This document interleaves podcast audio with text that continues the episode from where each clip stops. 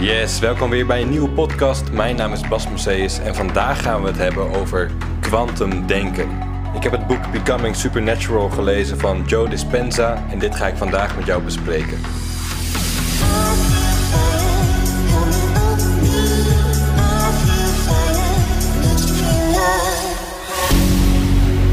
Oké, wat is nou een simpele definitie van kwantum?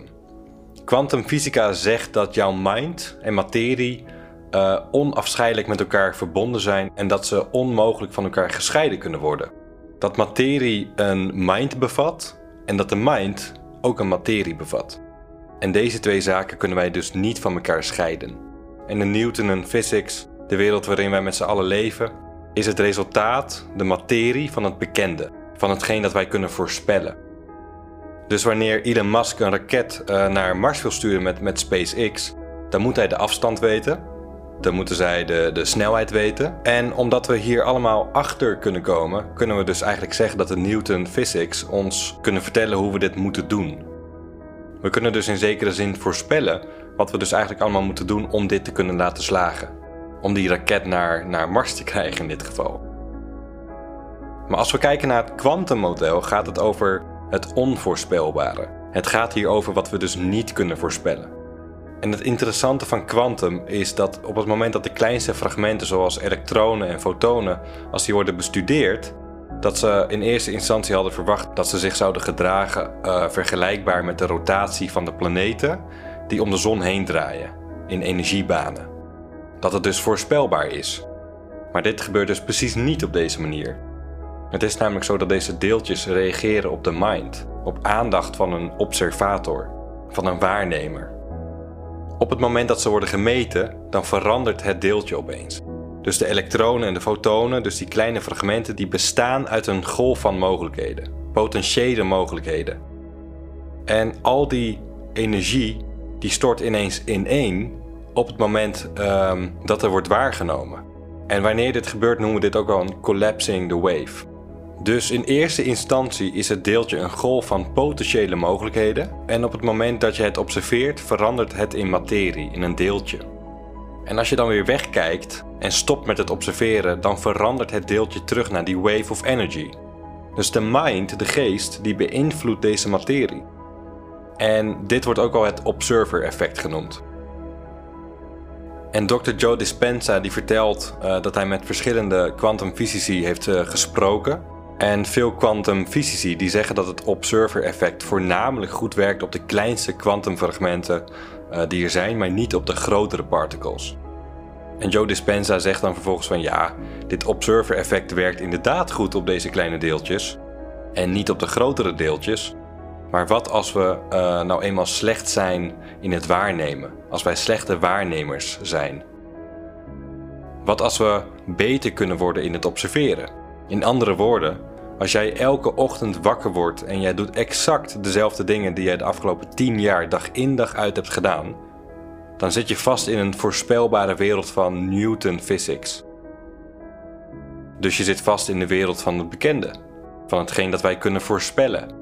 wat ik net zei over Elon Musk. Wij weten dus op basis van een aantal elementen hoe het zal gaan verlopen. Het tegenovergestelde van kwantum. En als je alles dus elke keer opnieuw doet, alles dag in dag uit herhaalt en vanuit de automatische piloot gaat leven, dan kunnen we het verleden pakken als rode draad uh, en deze gaan neerzetten als jouw toekomst. Dan herhalen we eigenlijk gewoon jouw, jouw verleden. Dat creëert dan jouw toekomst. Dag in dag uit, uh, elke keer hetzelfde.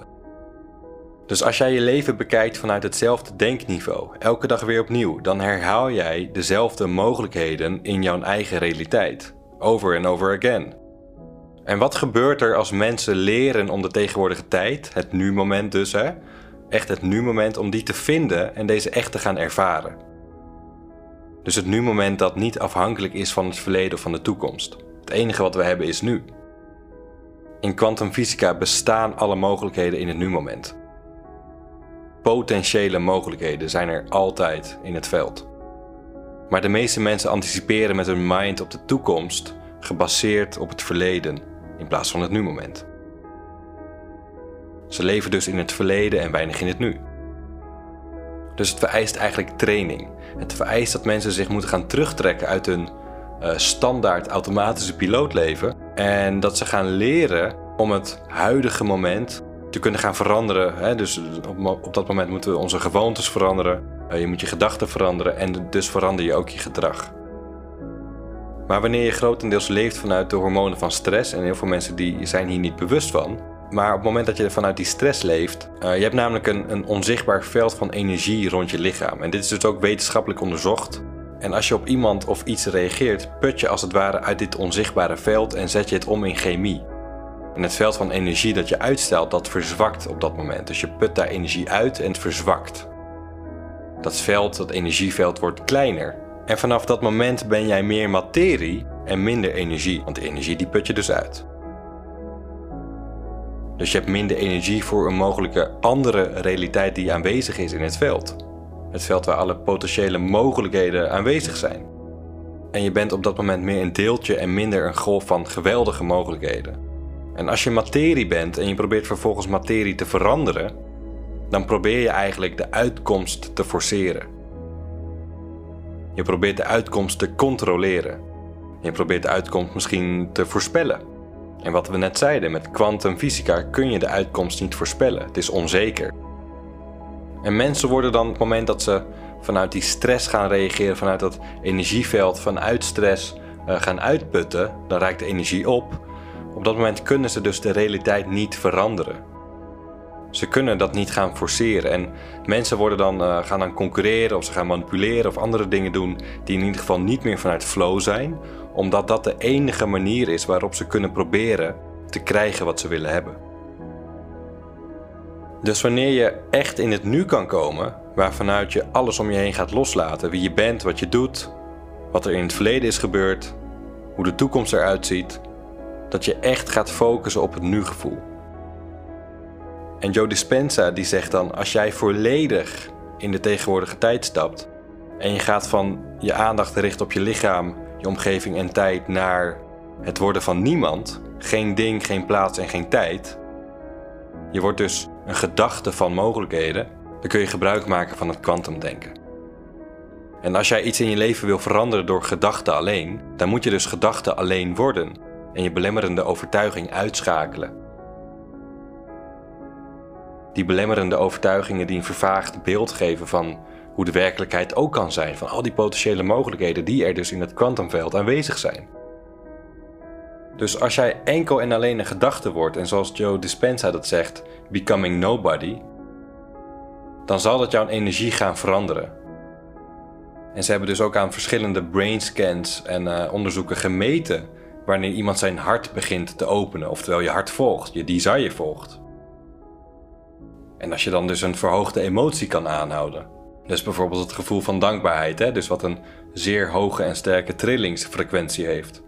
En op het moment dat jij dus meer vanuit dat desire gaat leven, dan ben jij meer energie dan materie. Dan ben jij meer golf van mogelijkheden dan een deeltje. En op het moment dat jij meer energie bent, dan kun jij betere effecten uitoefenen op de realiteit. En dit is zo interessant en het is nog steeds uh, ingewikkelde uh, stof maar als jij dus je hart opent, en dit is dus wetenschap, is het net alsof je een steentje in het water laat vallen. Dat er dan dus een ripple effect ontstaat. Hè? Dus je gooit die steen in het water en dan zie je die kringen. En als jij een grotere steen laat vallen, dan produceer jij dus een groter ripple effect. Als jij in staat bent om vanuit je hart, je desire, dit effect te behouden, en dus diezelfde grotere steen laat vallen met dat grotere ripple effect, dan zend jij een consistente frequentie uit het veld in. En wat we van Joe Dispenza en alle onderzoeken kunnen, kunnen leren is dat emotie een magnetische lading bevat.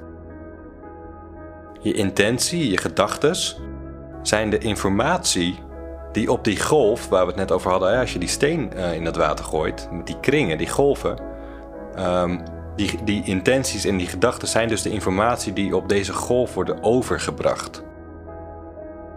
Als je een duidelijke intentie combineert met een verheven, dus hoge emotie, dan wordt het magnetisch. Dan wordt het magnetisch, hoe nice. En vanuit de wetenschap zien we dat gedachten die je denkt uh, de elektrische lading in het kwantumveld zijn.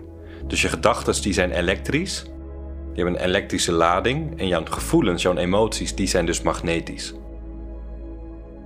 De gevoelens die jij dus voelt zijn de magnetische lading in het kwantumveld. En hoe je denkt en hoe je je voelt, dat zendt een elektronische signature als het ware uit, uh, die elke atoom in je leven beïnvloedt.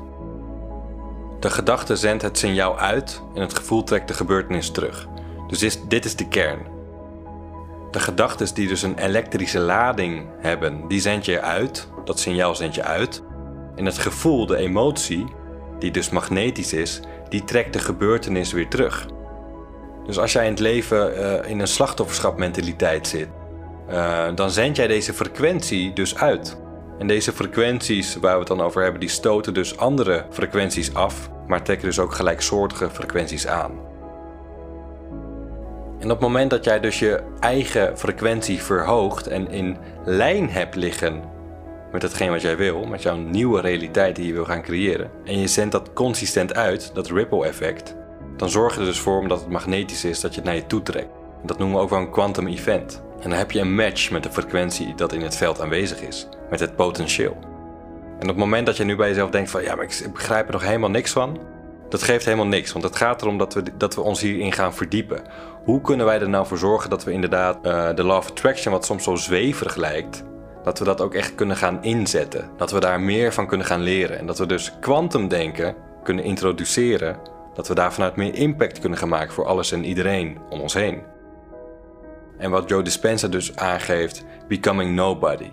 Dus zorg ervoor dat jij geen belemmerende overtuiging als fundament hebt liggen, waardoor jij niet uh, in het zuivere nu zeg maar kan komen. Waardoor jij je elke keer weer laat tegenhouden door een oud verhaal dat je dingen niet kan en dat lukt niet en noem het allemaal maar op. Dat we dat uit de weg kunnen gaan ruimen. Dat we dat quantum event kunnen gaan laten plaatsvinden vanuit onze frequentie. En er zijn dus heel veel tools voor om je frequentie te verhogen. Mocht je daar dus meer van willen weten en ook in jezelf willen investeren om dit gewoon te gaan leren en om dit op consistente basis te gaan inzetten, stuur mij dan even een berichtje met Quantum Training. Um, maar dus daar vanuit, vanuit die frequentieverhoging kunnen we dus die match maken met het potentieel, met het veld. En het is zo interessant. Het is ook echt een, een aanrader. Dus het boek Becoming Supernatural van uh, Joe Dispenza, Dr. Joe Dispenza. In dat boek kun je ook alle brain scans zien, alle onderzoeken wat daar vanuit naar voren is gekomen. En het is ook nog eens echt toepasbaar. Zorg ervoor dat je mij volgt op Spotify, Apple Podcasts en alle andere platformen. Stuur mij dus even een DM, uh, mocht je meer willen weten over het kwantumdenken, over het uh, visualiseren, het manifesteren, noem het allemaal maar op wat jij interessant vindt. Stuur mij even een berichtje, dan zal ik daar zo snel mogelijk op antwoorden. En voor nu wil ik jou hartelijk bedanken voor je tijd. Nice dat je er weer bij was. En ik zie jou graag de eerstvolgende keer in een nieuwe podcast. Ciao.